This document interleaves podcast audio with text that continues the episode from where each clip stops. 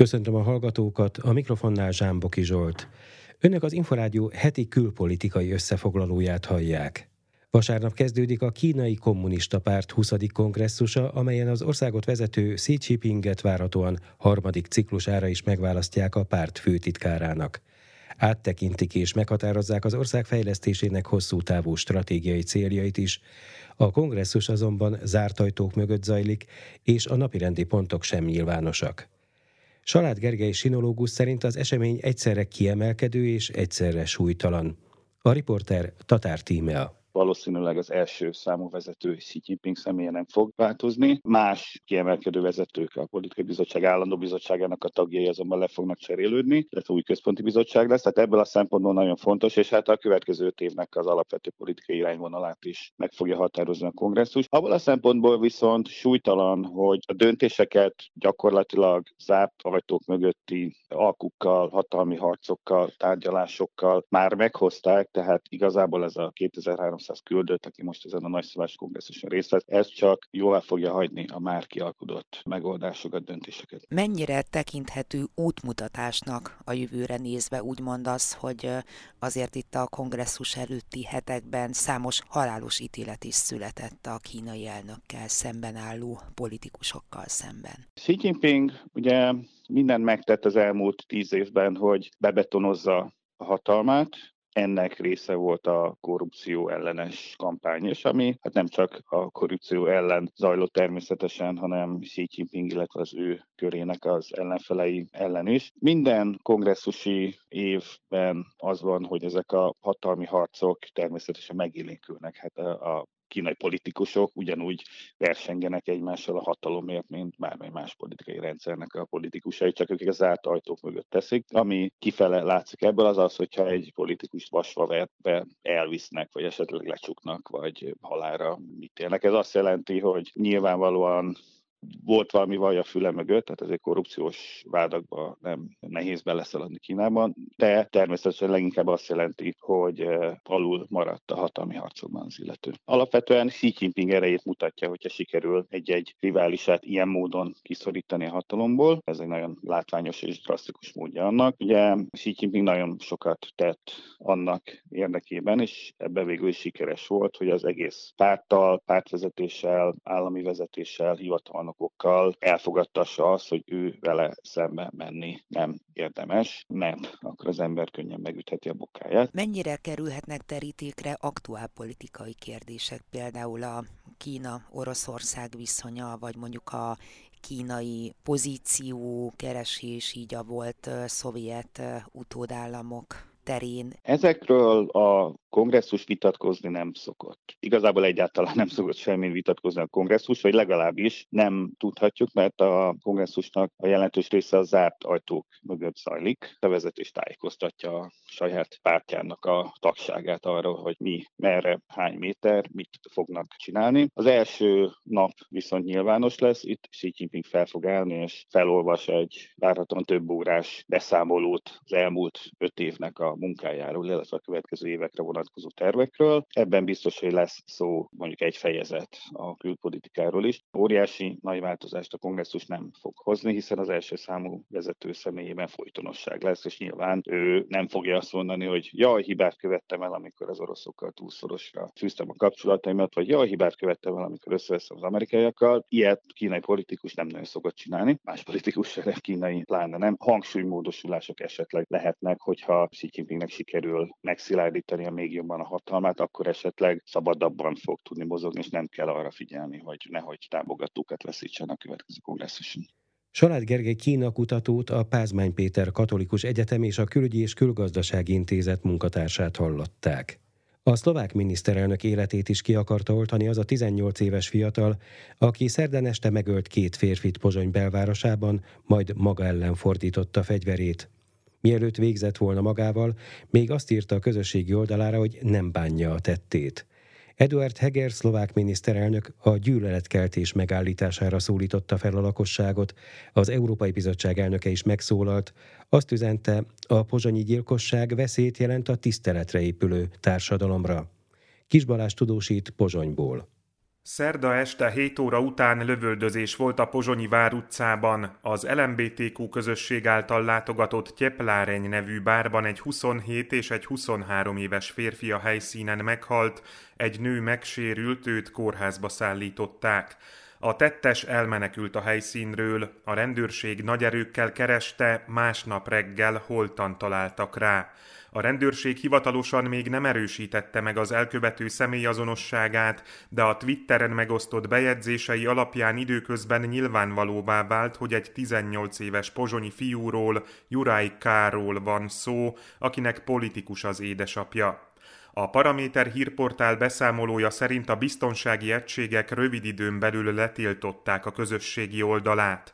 A szlovák titkosszolgálat megerősítette, hogy közvetlenül a lövöldözés után operatív intézkedésekkel segítette a támadó azonosítását és együttműködött a rendőrséggel. Az elkövető az egyik bejegyzésében arról írt, hogy meg akarta ölni a miniszterelnököt. Meg akartam ölni a miniszterelnököt, de nem volt szerencsém, hogy megérkezett volna az autója, írta. Később kiderült, hogy valóban járt Eduard Heger szlovák kormányfő pozsonyi lakásának környékén, ugyanis lefotózta magát, a képet pedig feltöltötte a közösségi oldalára. A szerdai vérengzés után is folytatta a posztolást a Twitteren, csak egy kis viccelődés volt a Vár utcában írta, amikor a profilján többen is arról kérdezték, mi történt.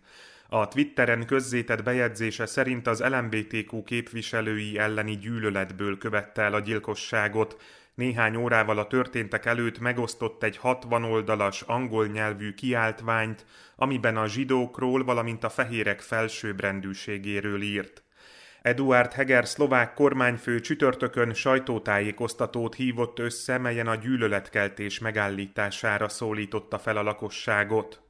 Preto chcem vyzvať z tohto miesta všetky osoby, ktorí sa vyjadrujú verejne, a teda aj konkrétnych bežných občanov, a politikusokat és azokat, akik nyilvánosan, például a közösségi hálón is megnyilvánulnak, arra kérte, mérlegeljék szavaikat. Hangsúlyozta, hogy két ártatlan ember vesztette életét Pozsonyban, pusztán azért, mert az LMBTQ közösség tagjai voltak. Ezt elfogadhatatlannak nevezte és kijelentette, ez túl van egy bizonyos határon. Az alkotmányra és az alapvető szabadságjogokra hivatkozott. Szerdán átléptek egy bizonyos határt, ilyesminek nincs helye Szlovákiában, vissza kell fordulnunk ezen az úton, csírájában kell elfolytanunk az ilyen dolgokat, és ebben minden szavunk számít, hangsúlyozta a miniszterelnök. Megerősítette, hogy a lövöldöző az ő háza előtt is készített képeket, de hozzátette, hogy nem félti az életét. A tragédiára Ursula von der Leyen, az Európai Bizottság elnöke is reagált, úgy fogalmazott, a Pozsonyban elkövetett szörnyű gyilkosság veszélyt jelent a tiszteletre és toleranciára épülő társadalomra. Kijelentette, hogy az Európai Unió elkötelezetten küzd a gyűlölet bűncselekmények és a gyűlöletbeszéd minden formája ellen. Kis Balázs, Inforádió, Pozsony. Az ukrán katonai titkosszolgálat vezetőjét nevezte meg a Kercsi szoros hídja elleni támadás főszervezőjének az orosz titkosszolgálat. Az orosz elnök szerint a szombathajnali robbantás terrorista támadás volt. A Danube Institute kutatási igazgatója szerint presztízs értékű, feltételezhetően ukrán támadásról van szó, amely nem érte el teljes mértékben a célját, ugyanis részlegesen már helyreállt a forgalom. Bendazsevszki Antont Rozgonyi Ádám kérdezte. Mire enged következtetni, hogy Oroszországnak ilyen határozott álláspontja van azzal összefüggésben, hogy ki a felelőse ennek az akciónak? Krími híd elleni támadás az egyértelműen egy nagyon komoly presztízsveszteséget okozott az orosz vezetésnek, hiszen előtte hónapokon keresztül az orosz vezetés állította, hogy a Krími híd teljes biztonságban van, a lehető legkomolyabb módon védik, a hatalmas ugye, forrásokat allokálva a híd védelmére. Ugye ez éves éves szinten két milliárd rubelt, vagyis nagyjából 35 millió dollárt jelent, csak a hídnak a, a biztonsága, beleértve a légvédelmi rendszereket, a speciális búvárcsapatot, a speciális közúti forgalmat ellenőrző rendszert, stb. stb. stb. Ehhez képest még így is, hogy lehetett tudni, hogy egyébként a Krími híd egy fontos katonai célpont, még így is megtörtént ez a támadás, tehát ez, ez mindenképpen egy blama.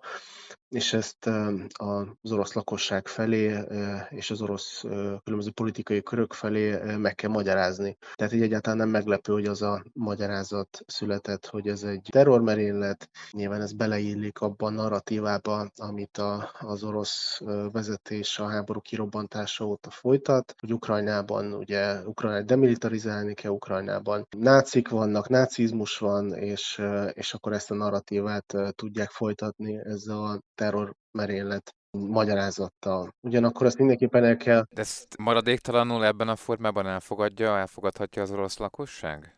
Az orosz lakosság elfogadhatja, hiszen hivatalosan nem viselnek háborút, tehát a, az ő felfogásuk alapján valóban egy békés helyzetben egy orosz területet ért támadás történt, de hát attól függetlenül, hogy Oroszország nem nevezi háborúnak a háborút, hanem különleges katonai műveletet nevez. Ez, ez egy háború Oroszország és Ukrajna között, amit ugye Oroszország kezdeményezett, és a krími híd tetszik vagy nem tetszik, ez egy katonai célpont. Ez a híd az egyébként a Krím orosz megszállása után megépített híd lett az egyetlen összekötő kapolcs, amely összekötötte az orosz szárazföldi területeket a krimi félszigettel. Tehát a krimi félszigetnek a teljes ellátása, utánpótlása, élelmiszerellátása is a Kercsi, vagy a Krími hídon, két, két neve is van, a Kercsi vagy a Krími hídon keresztül történt. És még tovább megyek, ugye a frontvonalon a dél és a dél-keleti területek ellátása, katonai ellátása is a Krími hídon keresztül történt. Elsősorban a vasúti, ugye a Krími hídnak volt egy közúti része és egy vasúti része is, és elsősorban ugye a vasúton történt, tehát az orosz egységeknek, a fronton harcoló orosz egységeknek az ellátásához elengedhetetlen szerepe van ennek a, ennek a hídnak. Tehát ez egy katonai célpont. A másik útvonal, amivel helyettesíthető ez a híd? Hajóval korábban is, a, a Krími félsziget megszállása után, ugye vagy légifolyosón valósult meg az összeköttetés, vagy ugye kompokon keresztül valósult meg az összeköttetés Oroszország és a Krím félsziget között, és azért Oroszországnak nagyon fontos volt, hogy, hogy megépüljön a, a híd, ami ugye meg is történt néhány évvel ezelőtt. De most úgy tűnik, hogy részlegesen helyreállították a, a, a forgalmat, a nagyobb súlyú teherautók egyelőre nem használhatják, a vasúti közlekedés az folytatódik, de ugye részben kompokra is terelődött ugye a forgalomnak egy, egy, egy része, amíg a helyreállítás folyik. Tehát mindenképpen egy fontos támadás, presztízs értéke van, hiszen önmagában meglepő, hogy ilyen támadás sikerült a, a krími hiddal szemben, de tartósan nem sikerült kiiktatni ezt az összeköttetést, és ugye részlegesen már működik a forgalom, de a következő hetekben valószínűleg teljesen helyre fogják tudni állítani a, a, az összeköttetést.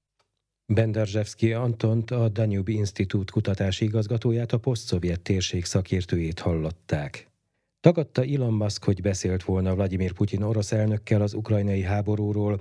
Előzőleg a milliárdos üzletember vitába keveredett ukrán illetékesekkel, amiért közvéleménykutatást tartotta a Twitteren arról, adjon-e Ukrajna területi engedményeket a békért cserébe.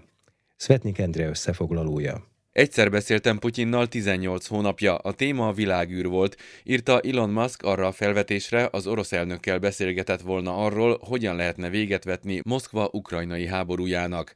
A vádat Ian Bremmer az Eurázsia csoport nevű politikai kockázatelemző cég főnöke fogalmazta meg, azt állítva Musk említette meg neki az orosz elnökkel folytatott beszélgetést. Előzőleg Musk azzal kavart vihart, hogy kiposztolta Twitterre egy kérdőívet arról, hogy az általa megfogalmazott feltételekkel kéne véget vetni az ukrajnai háborúnak. Musk kérdőíve így szólt. Újra tartani a választásokat az NCGIS alatt az elcsatolt területeken. A Krim hivatalosan orosz marad. Biztosítani a Krim vízellátását. Ukrajna független marad. Mindenre a válaszok 41%-a mondott igent és 59% vetette el. Musk nem hagyta abba, közölte, az is benne van a pakliban, hogy atomháború tör ki, majd még egy kérdést feltett. A Dombász és a Krim lakói döntsenek-e arról, hogy melyik országhoz tartoznak? Erre 59% mondott igent és közel 41 nemet.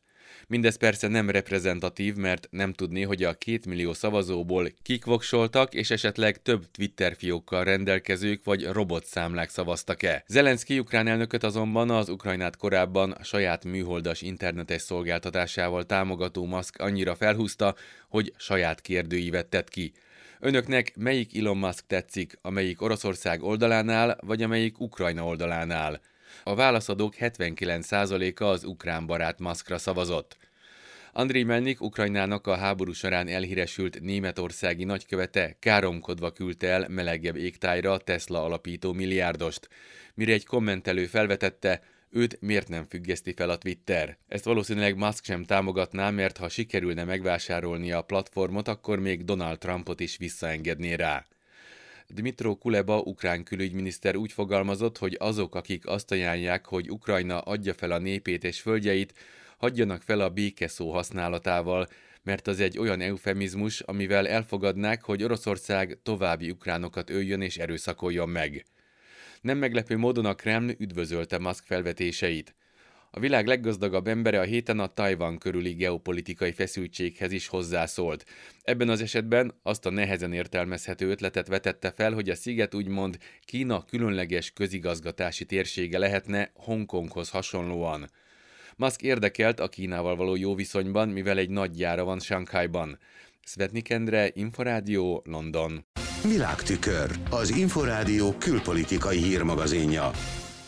Az elmúlt öt hónap egyik legfontosabb találkozójának nevezte a pozsonyi V4 csúcs találkozót a Magyar Köztársasági Elnök. Novák Katalin azt mondta, a tanácskozás résztvevői elítélték Ukrajna fegyveres megtámadását, a putyini agressziót, valamint a civilek elleni támadásokat, és mindent meg fognak tenni a mielőbbi béke megteremtéséért. Imre Júlia összefoglalója.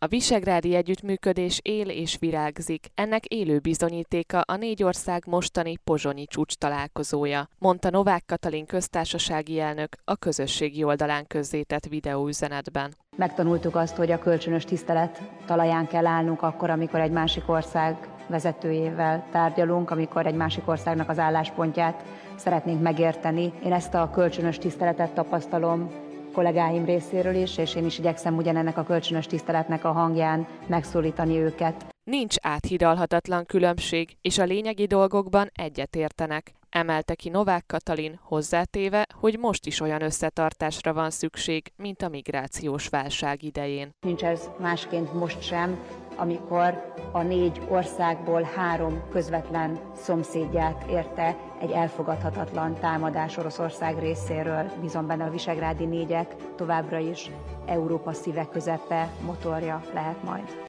A V4 országok mindent meg fognak tenni annak érdekében, hogy egy mielőbbi igazságos béke feltételei létrejöhessenek. Zárta gondolatát Novák Katalin, köztársasági elnök. Teljes körű eljárás alá vonja Magyarországot az Európa Tanács. A testület szerint ugyanis továbbra sem oldódott meg a demokráciát és jogállamiságot érintő problémák nagy része. Magyarország ezzel a többi között Örményországhoz, Azerbajdzsánhoz, Albániához csatlakozott. Az Inforádió által megkérdezett nemzetközi jogász szerint az átsorolás tulajdonképpen egyfajta stigma, jogi következményei nincsenek. Tóth Norbertet, a Nemzeti Közszolgálati Egyetem docensét Tatár Tímea kérdezte. Ugye az Európa Tanács nem összekeverendő az Európai Unióval, az Európai Uniónak 27 tagállama van, az Európa Tanácsnak meg 46. Az Európa Tanácsot 1949-ben hozták létre azért, hogy Európában a jogállamiság, demokrácia és az emberi jogok érvényesülését biztosítsa ez a nemzetközi szervezet. A 46 tagállam közül ugye Magyarország 11-ként felzárkózott most azok közé az országok közé, amelyeket teljes monitoringban, tehát teljes megfigyelésben részesítenek abból a szempontból, hogy ezt a hármas célrendszer rendszer, tehát emberi jogok, jogállamiság, demokrácia mennyire tartja tiszteletben ebben az esetben Magyarország. Abban az értelemben nem volt váratlan, hogy már nyáron azok a jelentéstevők, akik most beterjesztették a javaslatot a teljes monitoringra, Magyarországon jártak, és lehetett sejteni azt, hogy a korábbi részleges megfigyelői helyzetünkből átkerülhet ebbe a kategóriába. Ez a fenyegetés lényegében 2013 óta ott lebeg Magyarország feje felett. Mit jelent maga ez a teljes körű ellenőrzés? Ennek a parlamenti közgyűlésnek van egy erre szakosodott bizottsága, ez a monitoring bizottság. Minden érintett ország esetében jelentéstevő párok működnek közre, és időnként jelentéseket készítenek, ugye tárgyalhatnak az ország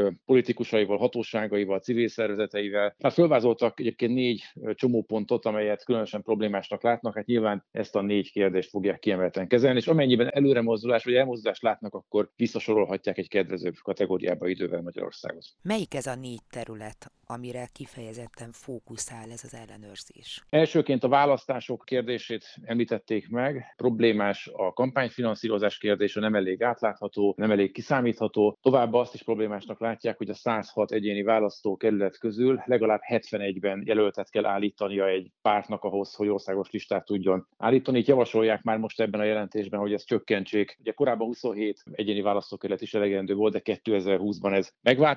A másik terület a jogállamiság kérdése, ez kiegészül harmadikként az igazságszolgáltatással, és negyedik pedig a média. Az igazságszolgáltatásnál az a probléma a képviselők szerint, hogy az Országos Bírósági Hivatal elnökének van szerintük túlhatalma, és kérik Magyarországot, hogy az Országos Bírósági Tanács, ami az önkormányzati szerve a magyar bíráknak, ennek a szerepét növeljék meg az OBA elnök hatalmával szemben. Plusz problémásnak látják a rule of law, tehát a jogállamisággal kapcsolatban azt, hogy választási ügyekben, közigazgatási ügyekben véleményük szerint nem független és pártatlan a magyar igazságszolgáltatás. A média kapcsán pedig kiemelik az állami reklámköltések helyzetét, nem látják megfelelőnek és átláthatónak, illetve a Közép-Európai Sajtó és Média Alapítványt emelik még ki, amelyek kapcsolatban megjegyzik, hogy ez egy média koncentráció, és hogy ezt nem tartják megfelelőnek. Milyen következményei lehetnek annak, hogyha nem történik olyan jellegű változás Magyarországon, mint amilyet mondjuk az Európa Tanács elvárna? Politikai eszközei, politikai lehetőségei vannak, tehát az, hogy napirenden tartja ezt a témát,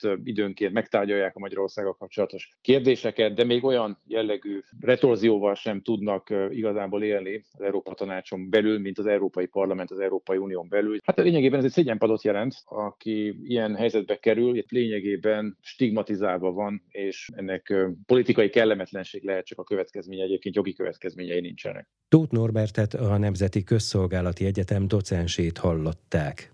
Világtükör, az Inforádió külpolitikai hírmagazinja. A brit legfelsőbb bíróság előtt van a skót függetlenségi népszavazás ügye. Ez azonban még nem jelenti azt, hogy a bíróság dönt is róla, mondta az Inforádió reggelinfó című műsorában a Budapesti Corvinus Egyetem docense.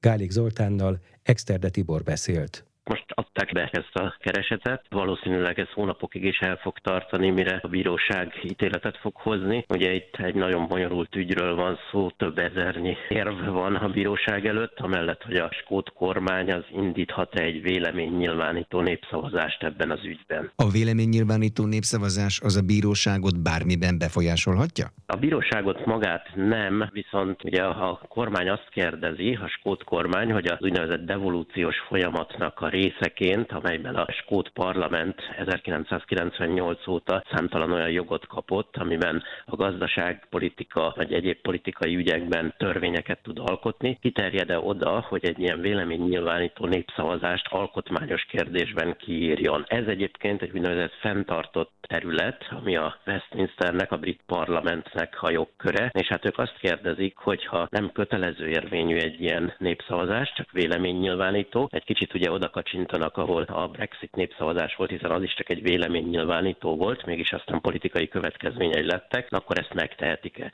A brit kormány azzal érvel, hogy söpörje le a kérdést is magát a bíróság, és ne is adjon választ, mert hogy egyelőre nincs is törvény, csak arról érdeklődik a kormány, hogy vajon létrehozhat-e egy ilyen törvényt azzal, hogy a bíróság befogadta a kérdést, abból következik az, hogy valamilyen választ kell ráadnia? Nem, az még mindig nem, tehát elutasíthatja az egészet, minden esetre most tanulmányozzák. Abban az esetben, hogyha nem foglalkozna ezzel, vagy pedig esetleg egy olyan határozat születne, amiben azt mondják ki, hogy a jelenlegi alkotmányos körülmények között nem lehetséges ez, akkor tovább lépne a skót kormány, és azt mondja, hogy a legközelebbi választás az mint egy népszavazásként fogja értékelni, és így kezd kezdené meg utána a függetlenségről szóló tárgyalásokat a brit kormányjal. Ez milyen szinten folyó tárgyalás? Kormányfő kormányfővel tárgya? Igen, ebben az esetben hát egy új tárgyalási rendszert kellene kialakítani, valószínűleg ennek lennének mindenféle törvényi felhatalmazás része a brit parlament részéről is, tehát ebből is látszik, hogy bizony ez egy kétoldalú folyamat, nem lehet semmiképpen sem kialakítani a kereteket csak a skót kormánynak, hanem mindenképpen együtt kell működni majd, hogyha mégis ebbe az irányba mennének a dolgok. Hát lehet, jelenleg azt kell tudni, hogy körülbelül 50-50 százalékon van a függetlenség párti, illetve az azt elutasítóknak az aránya a biztos szavazók között, viszont elég sokan bizonytalanok, de hát természetesen nem kezdődött még el a kampány. Ha mégis meg lesz az ítélet valamikor a közeljövőben, akkor ezt jövő október 19-én szeretné a skót kormány megtartani. Kedves hallgatók, az elmúlt fél órában az Inforádió heti külpolitikai összefoglalóját hallották. A szerkesztő Király István Dániel nevében is köszönöm figyelmüket, Zsámboki Zsoltot hallották.